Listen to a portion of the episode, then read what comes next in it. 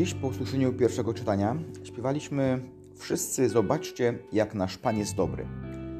Bóg jest dobry, bo stworzył dobry świat, człowieka, posłał swojego Syna, by nas zbawił.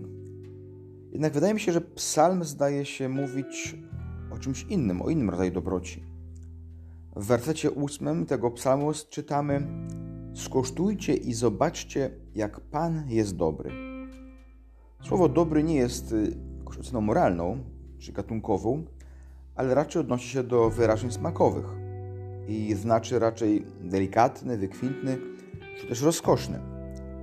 Wszyscy zobaczcie, jak rozkoszny jest smak Boga. Skosztujcie i zobaczcie, jak dobrze smakuje Bóg. Tak można byłoby odczytać ten tekst.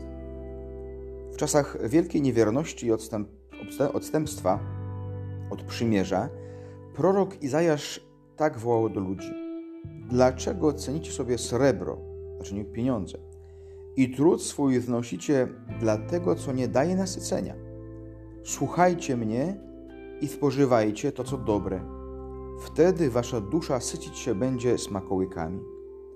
Albo można tłumaczyć to inaczej. Słuchajcie mnie i spożywajcie to, co dobre i rozkoszne dla duszy. Pozwala nam to zrozumieć, że smak Boga może poczuć tylko nasza dusza. Jak bardzo ten tekst przypomina ten z Izajasza, e, fragment rozmowy Jezusa z faryzeuszami i uczniami, którzy e, za nim szli po cudzie rozmnożenia chlebów. Szukacie mnie i wysilacie się, dlatego że posmakował wam chleb, który wam dałem. Wysilajcie się raczej jednak e, o ten pokarm, który nie spleśnieje.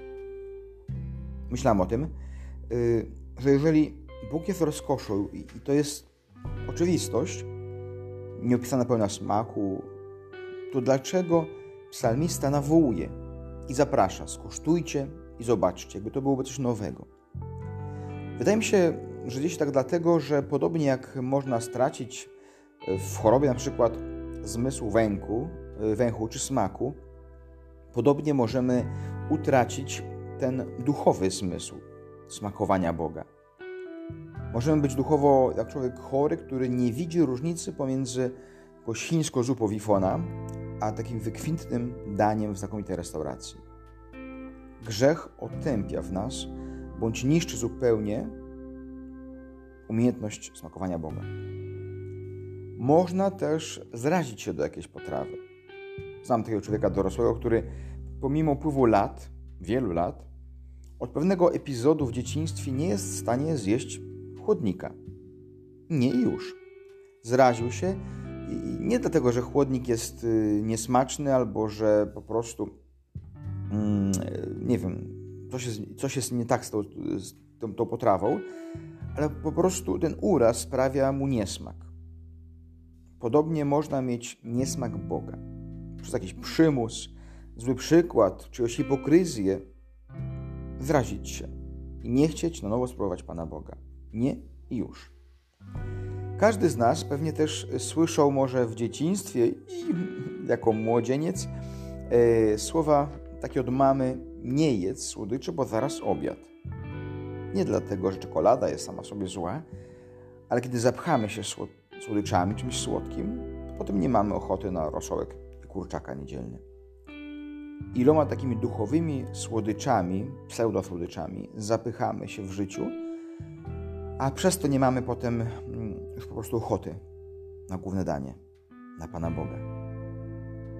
I ta ostatnia przypadłość, e, którą można skojarzyć z kobietą w ciąży, e, z tego, co, co, widzimy często w różnych e, filmach czy opowieściach, czy, czy po prostu gdzieś wy pewnie w waszych małżeństwach i rodzinach, kiedy kobieta jest w ciąży, ma ochotę, niekiedy ma tego takiego smaka na jakieś dziwne potrawy, albo w dziwnych porach przychodzi głód, albo z drugiej strony ma jakąś awersję bardzo wielką do jakiegoś zapachu bądź smaku, które po prostu wręcz napawają taką no nie wiem, no, chęcią wymiotowania, czy po prostu y, mdłości.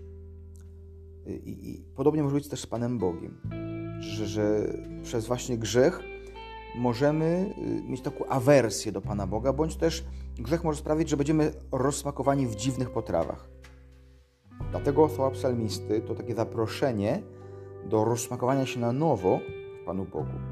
Wezwanie, byśmy sobie przypomnieli, byśmy sobie odnowili w sobie tą prawdę, jaką rozkoszą jest Bóg dla naszej duszy. Jezus dzisiaj w Ewangelii do swoich uczniów: Ja jestem chlebem z nieba. Tak by można powiedzieć, dodać słowa właśnie y, psalmisty: Skosztujcie i zobaczcie, jak dobry jest Pan, jak dobry jest ten chleb, którym jestem ja. Żydzi y, mu odpowiadają: Nie jesteś, znaczy, nie jesteś czymś więcej niż tym cieśli. Tak by mówili: Znamy dobrze Twój smak. Smakujesz jak cieśla. Jezus się nie zraża i mówi dalej: Ja jestem chlebem żywym, chlebem żyjącym, chlebem ożywiającym, chlebem dającym życie wieczne. Moje ciało jest chlebem, który Bóg ofiarował, jako te chleby pokładne, jako chleby przebłagania, za życie świata.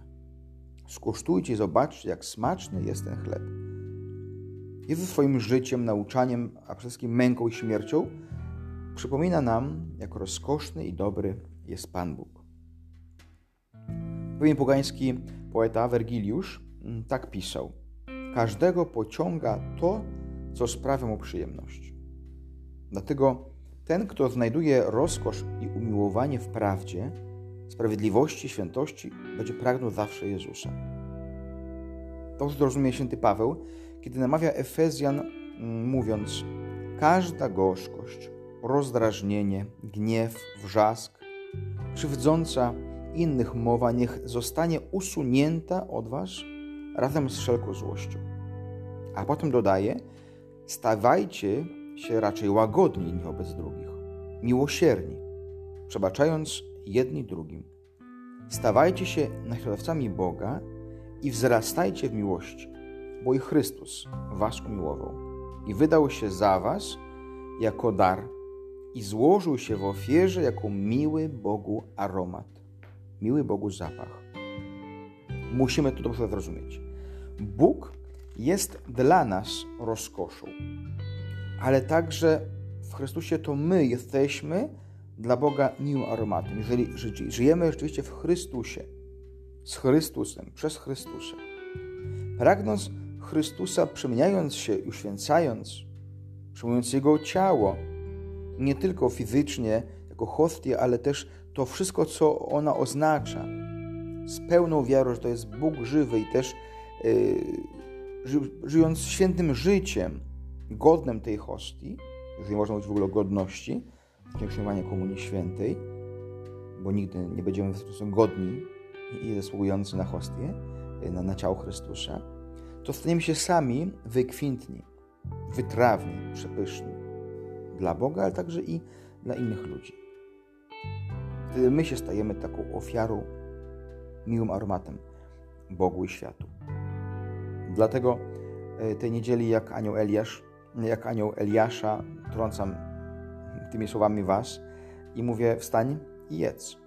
Wstań i jedz, bo przed tobą długa droga. Szczęść Boże.